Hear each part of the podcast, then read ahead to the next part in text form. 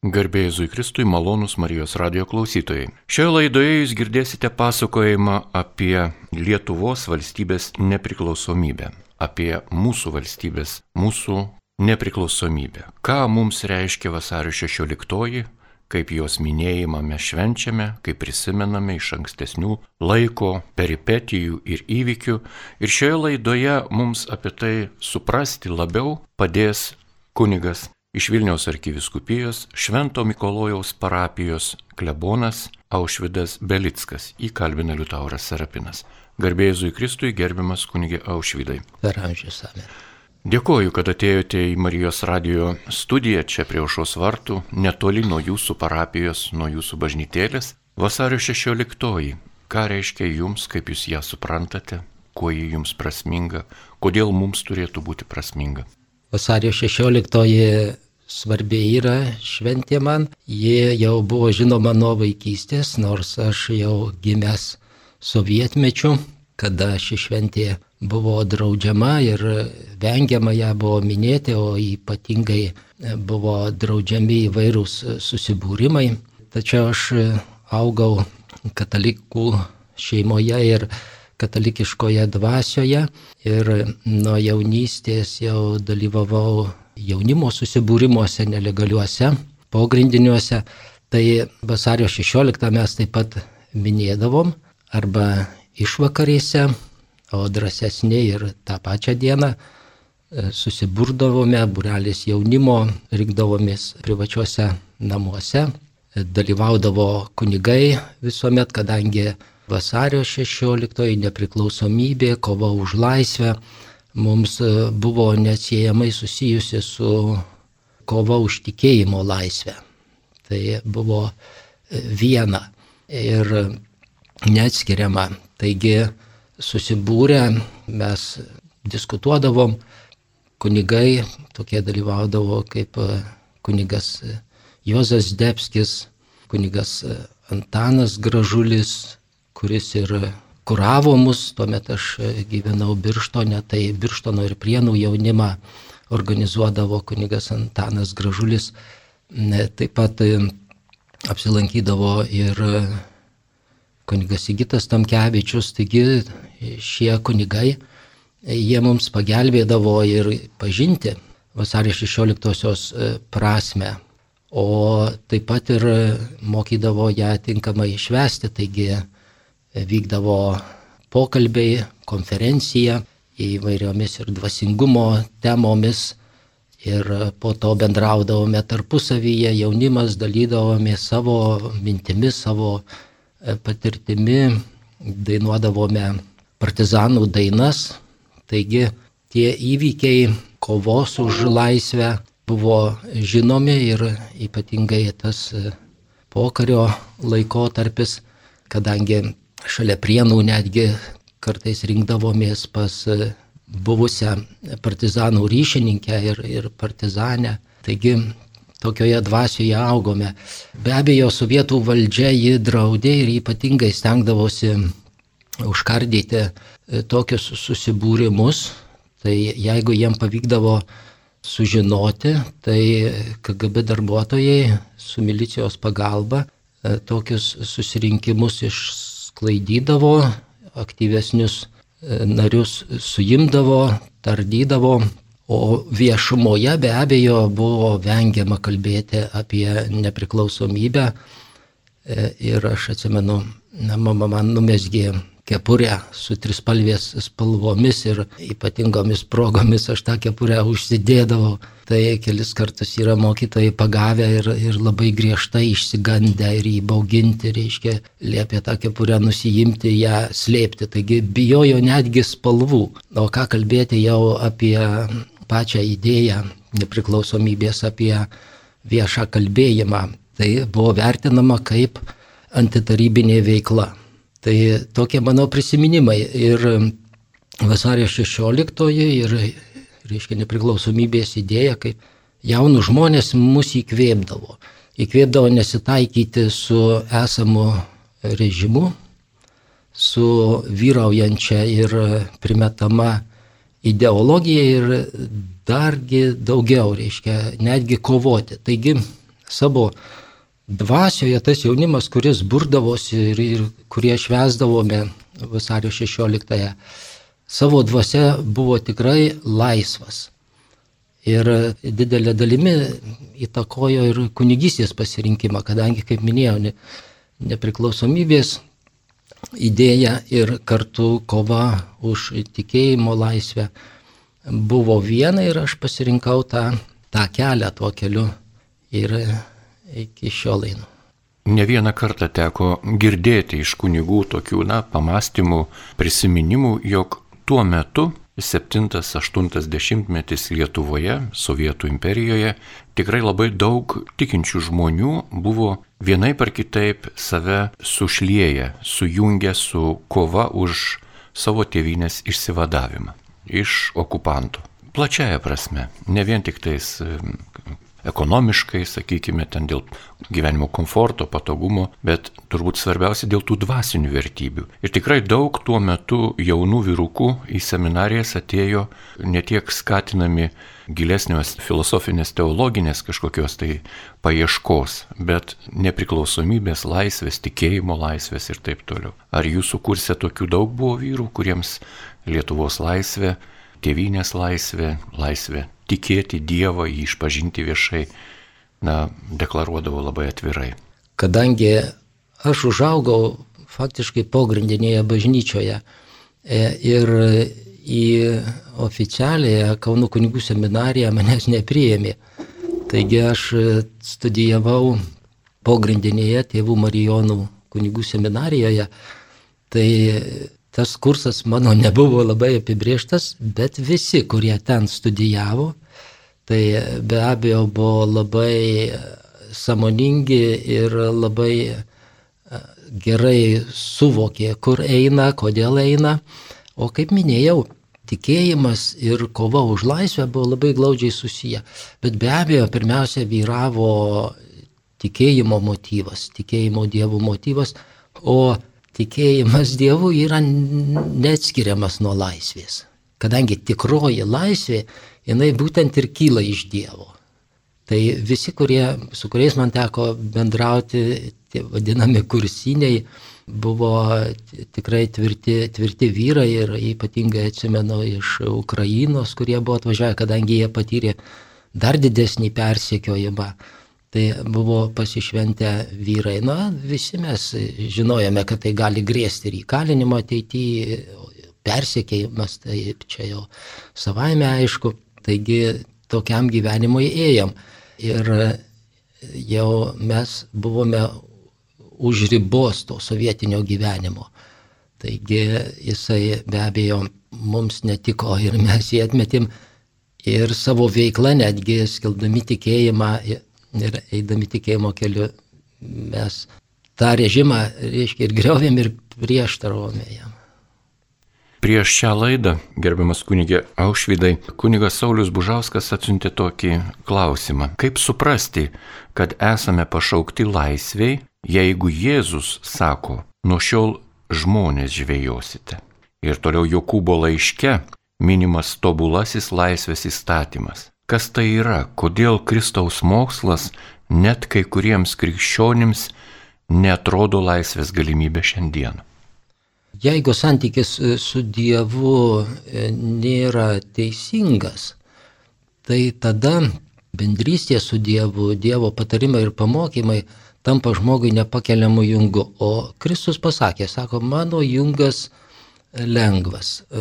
E, reiškia, mano našta lengva ir švelni yra. Taigi teisingas santykis su Dievu visiškai kitaip atskleidžia bendrystė su juo tikrovę. Ir Dievo pamokymai ir jo patarimai nėra jungas, kadangi giliau apmastę ir suvokę, apie ką kalba, pavyzdžiui, Kristus, apie ką kalbėjo e, Dievas dar senajame testamente, mes suvokiame, kad Dievas kalba ne tai, kas jam yra reikalinga, kad, e, pavyzdžiui, žmogus darytų. Arba kaip žmogus gyventų, bet pirmiausia, Dievas kalba apie tai, kas yra svarbu man Ir Dievas pateikia man patarimus ir pasiūlymus, kurie man yra gyvybiškai svarbus. Ir galų gale aš suvokiu, kad tai, ką jisai kalba, tai yra, yra mano mintys. Ir kartu tai yra mano vertybės. Tai kuomet aš jas priimu, jos nei, nėra nei jungas, nei suvaržymas, nei, nei įkalinimas. Ir laisvės motyvas jisai iš tikrųjų yra vienas iš pagrindinių kuriant žmogų, kadangi jau Senajame testamente pradžios knygoje, reiškia, mes matome pirmieji tėvai, jie turi šią dovaną. Ir ši dovana tampa jiems milžiniškų iššūkių, o kartu ir suklupimo akmeniu. Ir Dievas nieko neprimeta absoliučiai. Jisai galėjo, jis ir dabar gali primesti, gali įpareigoti ir taip toliau. Dievas sako rinkis ir netgi duodamas dešimt Dievo įsakymų, Dievas sako, aš dedu prieš tave gyvenimą ir mirtį rinkis žmogau. Ir rinkis gėrį arba blogį, gyvenimą arba mirtį. Va, ir jis leidžia daryti pasirinkimą ir jisai pasiūlo tikrai tas svarbesias vertybės, kurios kuria gėrį.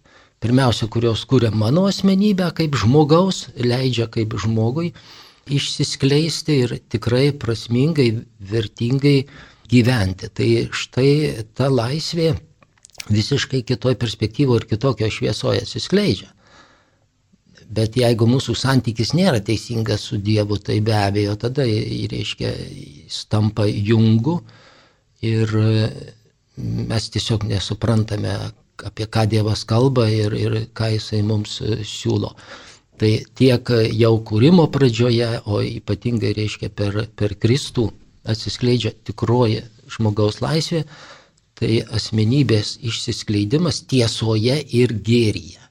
Jeigu aš renkuosi, reiškia pasinaudodama savo laisvę, arba kaip nu, nudienos pasaulis, reiškia skelbia ir siekia, reiškia tos netikrosios laisvės, kadangi ta laisvė jinai yra nauja reverdysės forma, kada žmogus patenka į savo silpnybių, į savo įdų, į savo nuodėmingumo vergyją. O Kristus jisai iš tikrųjų iš, išvaduoja kūrybiniam darbui ir pirmiausia savęs kūrimui. Prisimenant tuos okupacinius metus, kai Lietuva buvo okupuota, ne vien Lietuva, daug, daug valstybių buvo Sovietų imperijos, tiesiog pamintos, pažemintos visapusiškai, buvo ypatingai lengvai matomas melas, nes melas buvo visur. Absoliučiai. Į gatvę išėjai, tave pasitinka lozungai, mir trudmai. Šiuo metu tai atrodo kaip avangardinis menas, kaip kokie klėdesiai. Bet tuo metu tai buvo labai rimti dalykai, už to lozungų kažkokį paniekinimą ar ką buvo netgi sankcijos. Melas buvo darbe, melas buvo atsiskaitime už darbą, melas buvo paskirstime visų tų medžiaginių gerybių, melas buvo idėjų lygmenį, moksle. Visur buvo apgaubta tiesiog visa sistema veikia melo pagrindu prievartinės institucijos tokios kaip milicija, KGB, OBHS, GRU ir taip toliau, to, tie visi žodžiai dabar jau žmonėms nieko nebereiškia. Bet tuo metu buvo institucijos, kurios tą melą tiesiog daugino, palaikė, saugojo, puoselėjo, vertino. Tai krikščionims buvo lengva gyventi, nes melas akivaizdžiai matomas, o tikėjimas remiasi tiesa ir tuo vadinamoju teisingumu, kad Dievas yra teisingas, už gerą atlygins gerų, už blogą bus kažkaip kitaip. Ar tikrai kunigams buvo lengva dirbti su žmonėmis tuo metu okupuotoje Lietuvoje, ar tikrai buvo lengva nešti tą tiesos žodį į kitų žmonių gyvenimą? Nebuvo lengva, kadangi vyko taip pat ir toks, reiškia, fizinis persekiojimas bažnyčios, tačiau gal tuomet buvome jauni, jauni, užsidegę, pajėgus, tai iš vienos pusės atrodo, kad gal ir, ir lengviau buvo sovietmečiu negu dabar. Kadangi, kaip jūs minėjote, reiškia, melas buvo labai, labai ryškus, labai matėsi ir visi žmonės, reiškia, tą atpažindavo, taip pat persekiojamas jisai visuomet skatina pasipriešinimą Va, e, dabar e, šiomis dienomis melas įgyjo, įgyjo naujas formas, tobulėja. Jisai yra užslėptas, jisai veikia per įvairias psichologinės technologijas, įvairiausiais kitais būdais ir pati ideologija pasikeitė. Buvo komunistinė ideologija, tokia labai grubiai, žūli, dabar modernioji, reiškia liberalioji ideologija, jinai yra kur kas gudresnė, jinai pasirenka tokias švelnesnio poveikio formas, tačiau irgi nevei, nevengia taip pat, reiškia, netolerantiškumo, reiškia, ypatingai tikinčiųjų atžvilgių ir nevengia primesti grubiai savo idėjas. Va, tačiau prisidengiama, nu, kaip ir anksčiau būdavo prisidengiama, reiškia, ir brolybės, pagarbo žmogui, kovos už taiką, už laisvę taip pat. Ir tuo metu, reiškia, kalbėdavo. Va, taigi tos sąlygos, reiškia, jos, jos yra kitokios ir bažnyčia, pavyzdžiui, tikintieji šiuo atžvilgiu šiomis dienomis yra pasimetę ir dar, dar neranda to tikro būdo, reiškia, kaip tinkamai atsiliepti, bet e, tas būdas jisai ateina iš Evangelijos, reiškia, Kristus labai aiškiai kalba, kalba apie šviesos vaikus ir apie tamsos vaikus, jisai kalba apie Dievą tėvą ir jisai kalba apie šio pasaulio kunigaikštį, tai šio pasaulio kunigaikštis jisai jisai veikia jau nuo pat pirmųjų tėvų, apie ką aš jau minėjau, apie Adomą ir, ir Jėvą žmonių neteisingas pasirinkimas, neteisingas laisvės panaudojimas, jisai vėliau vedė į Babelio bokšto statybą. Tai tas Babelio bokštas jisai yra ir toliau statomas, kadangi kiekviena e, žmonijos civilizacija, jinai turi Babelio bokšto labai stiprių bruožų. Ir žmonės, reiškia, net dirbdami tos civilizacijos kūrime, atrodo, kalba viena,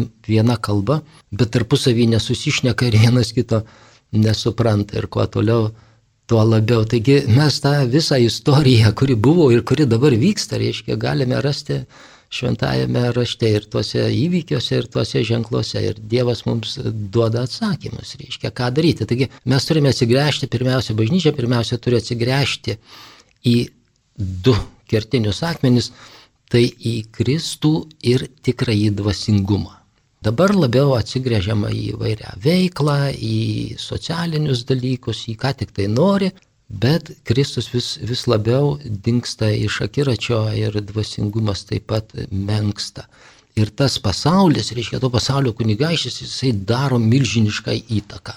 Jisai gyvena mūsų namuose, per televiziją, per internetą, per kitus dalykus, reiškia, jisai įsikelia į mūsų sąmonę ir jisai formuoja mūsų sąmonę, įsitikinimus, reiškia mūsų vidinės nuostatas. Ir jeigu mes tikrai nuoširdžiai bandysim pažvelgti į save ir klausime, ko manyje yra daugiau - Dievo tiesos ar, ar šio pasaulio įvairiausių nuomonių, tai tenka pripažinti, kad būtent Dievo tiesos yra iš tikrųjų mažiau. Tai aš čia kalbu apie tikintį žmogų, tai reikia gelbėtis pirmiausia mums patiems, reiškia. Ir Dievas išveda mus tuo laisvės keliu, reiškia, kurti savyje tikrą Dievo žmogų.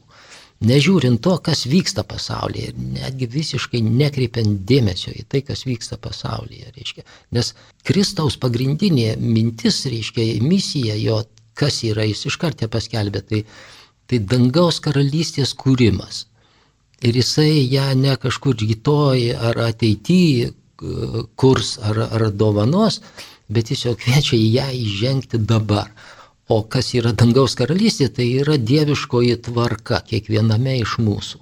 Va, jinai prasideda čia, viduje, o tai yra sunkiausias darbas, mažiausiai mes jį norime atlikti. Yra kur kas patogiau, reiškia apeigas visokias atlikti, reiškia pamaldumus, ką tik tai nori, bet atvirom akim pažvelgti į save, ir Dievo akivaizdoje ištirti save, įvardinti savo realią būklę, o štai šito mažiausiai kas, kas nori. O Kristus labiausiai į tai skatina, nes, e, reiškia, kuomet savo vidų sutvarkome tinkamai, tuomet mes jau galime savį kurti gėrį, tai yra kurti dorybės. Dorybės, kurios sutvirtina asmenybę, kurios, e, reiškia, rem, kartu su Dievo tiesa formuoja mūsų mąstymą, mūsų vidinės nuostatas, formuoja mūsų elgesį ir mūsų gyvenimo būdą. Ir toks žmogus jisai su dieviška galia išeina į šį pasaulį ir iš tikrųjų gali kurti šį pasaulį ant tiesos ir gėrio pamatų.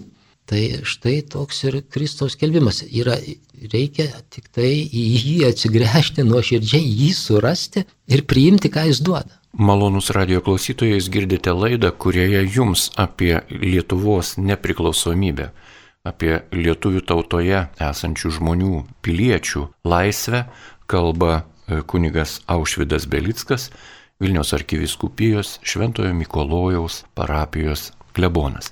Ir tęsiant laidą, laisvė šiuo metu rodoma, pavyzdžiui, jaunimui vaikams per įvairiausias priemonės - internete, spaudoje, televizijoje, radio ar kažkokiuose kitokiuose dar bendravimo puslapiuose yra labai keistai rodoma. Pavyzdžiui, dažnai matome apie teisės įvairių ten šuniukų, žasų teisę, ten kažką tai daryti, ten žuvų teisę.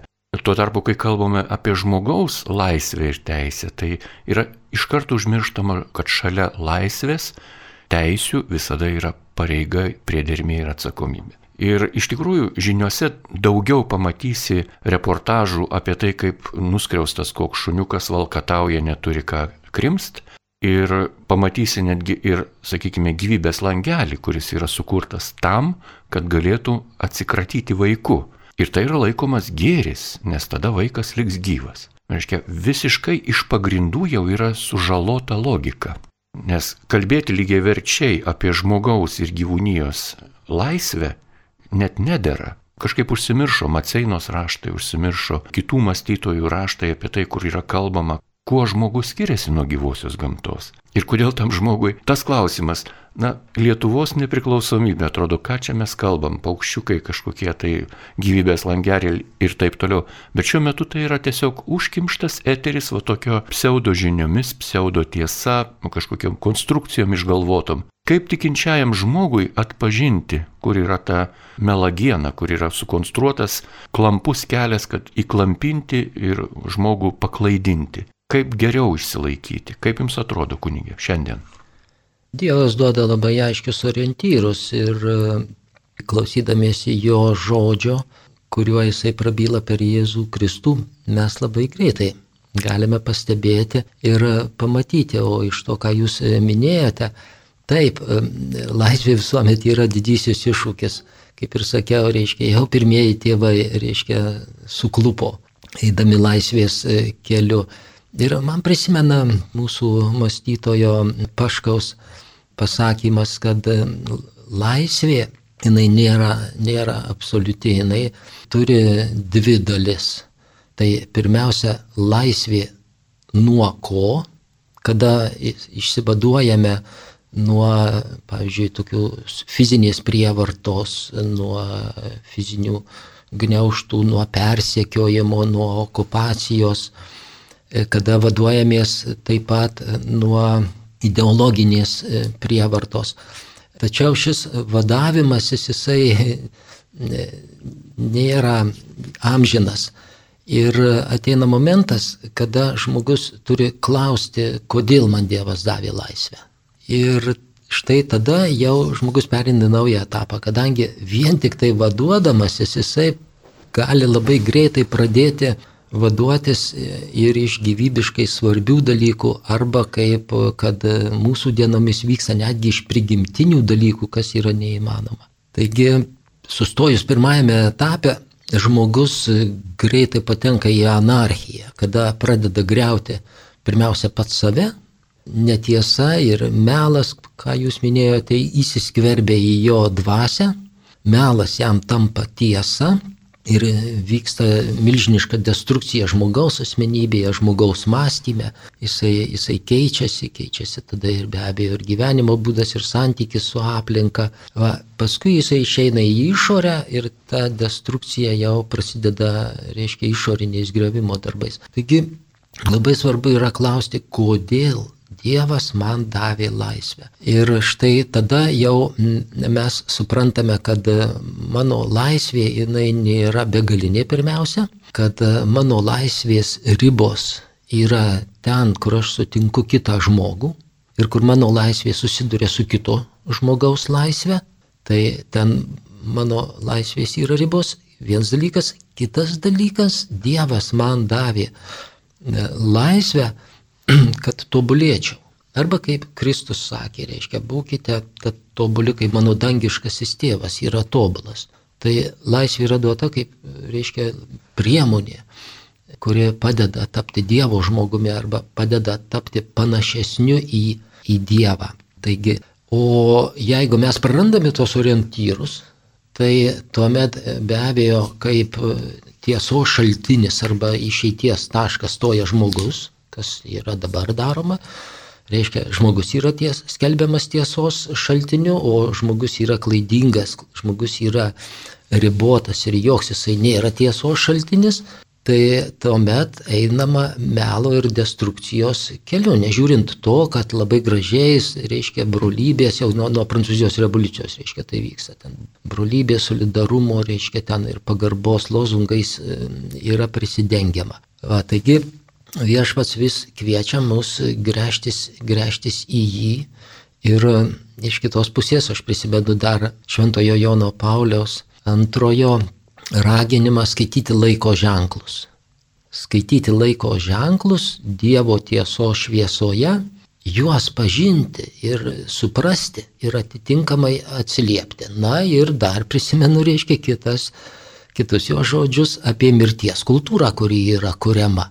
Mes bijome apie tai šnekėti, mes bijome šnekėti apie tuos dalykus, kurie neteisingi yra mūsų, mūsų visuomenėje, bet tą, tą daryti reikia. Yra balsų, yra balsų, kurie nebijo įvardyti, kas, kas yra kas, bet mes matome, kokia būna masinė reakcija į tiesą. Bet tai buvo visais laikais. Čia nieko nuostabaus, reiškia kiekvieną epochą.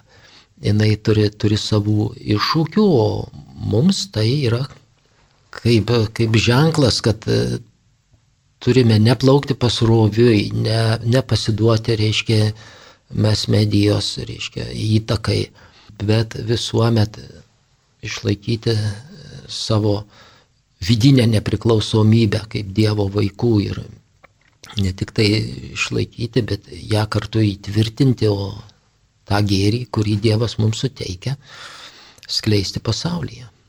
Taigi, kunigė Aušvidai, dar vienas klausimas. Jau daug atsakėte apie tai, kodėl iš tikrųjų atsakomybė ir laisvė dažnai yra negretinama kartu. Kažkaip nesusijungia žmogaus gyvenime dėl jo įdų, dėl nuopolio, kurį mes esam paveldėję iš savo proprotėvių ir taip toliau dėl sistemų, kurios yra bedieviškos kūriamos tam, kad žmogų labiau išnaudoti, labiau jį pavergti, labiau neteisingai paskirstyti gerybės, kad vieni galėtų karaliauti, kiti žinoma lieka vergo padėtyje. Bet kodėl žmonės labiausiai bijo išorinės vergystės, įsipareigojimų ir kitokių formų, bet nepastebi tos vidinės vergovės? Kodėl taip yra? Reikia turėti išminties, reikia turėti sumanumo.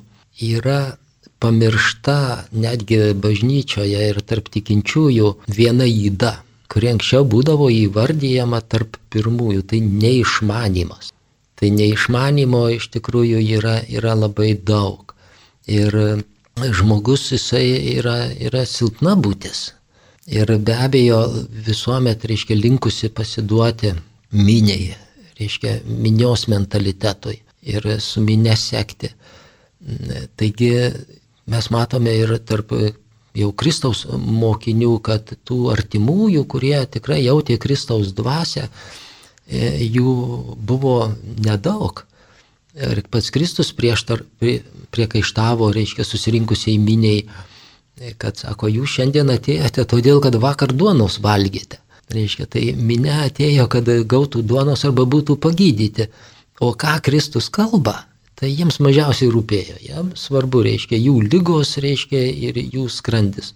Va, taigi visą laiką buvo tokių ir tokių žmonių ir todėl ta įtaka, reiškia, tos vyraujančios ideologijos, kur, reiškia, kuri turi ir priemonės, visas žiniasklaida ir kitokias priemonės, jinai, jinai veikia žmonės. Ir Tik tai vienetai sugeba atsispirti ir sugeba suvokti. Va, bet, na kągi, visą laiką išlaikome viltį, kad anksčiau ar, ar vėliau tų sumanių žmonių arba tikrai išmintingų žmonių bus daugiau. Bet mes šiandien matome, kad kaip ir visais laikais, reiškia, kvailumas išeina į pirmą vietą, reiškia, išmintis nėra vertinama.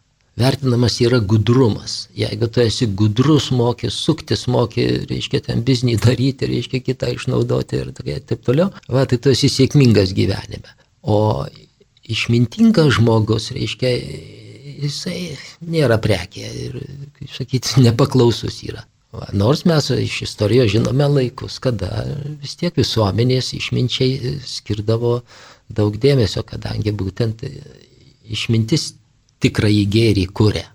Va, o išmintie, dieviškos išminties įsikūnymas, reiškia, tai yra šventoji dvasia, netgi, reiškia, trečiasis dieviškasis asmuo, kuris mus moko išminties. Tai ta gerovės valstybė, kurią mes norime sukurti, tikrai nepriklausomą, reiškia, ir gerą, gražią Lietuvą, tai pirmiausia, būtent galime padaryti remdamiesi išmintimi ir dvasingumu, arba kitaip tariant, žmogaus atsinaujinimu, žmogaus e, kūrimu, jo asmenybės tobulinimu ant tiesos ir gėrio pamatų paminėjote labai svarbę nuodėmę pamirštą, kurios, na, daugelis tiesiog jau net nebelaiko nuodėmė, neišmanimo nuodėmė. Pasiekmes tikrai neišmanimo yra labai baisios ir jos dažniausiai krenta ne vien ant to, kuris yra nuodėmingas, bet ir ant jo visos aplinkos. Artimieji, draugai, pažįstami, giminės, vaikai, broliai, seserys visi kenčia nuo to.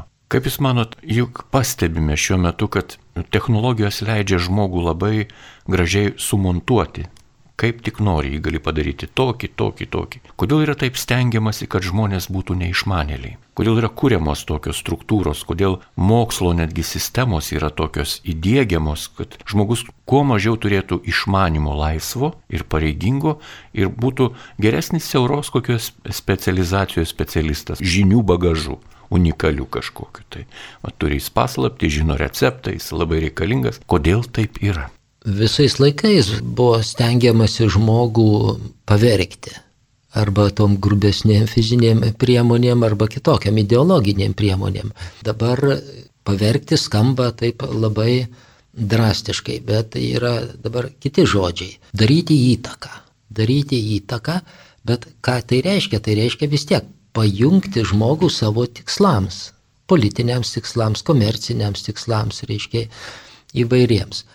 Tai visais laikais tai buvo daroma ir tai yra daroma ir šiandien. Tai vat, būtent to akivaizdoje mes galime geriau suvokti, ką reiškia tikroji Dievo vaikų laisvė. Kada Dievas išvaduoja žmogų ir netgi pats Dievas jisai neprimeta. Jokios ideologijos jisai nieko neprimeta. Jisai tik tai pasiūlo tai, kas iš tikrųjų yra gyvybiškai svarbu kiekvienam žmogui. Ir žmogus gali rinktis, aš, galiu, aš esu laisvas, aš galiu tarti Dievui taip, galiu tarti jam ne. Bet kai aš randu savo svarbius dalykus arba kai Kristus parodo man mano asmenybės svarbiasias vertybės, kaip aš galiu atmesti. Čia panašiai kaip e, valgyti sveiką ar nesveiką maistą.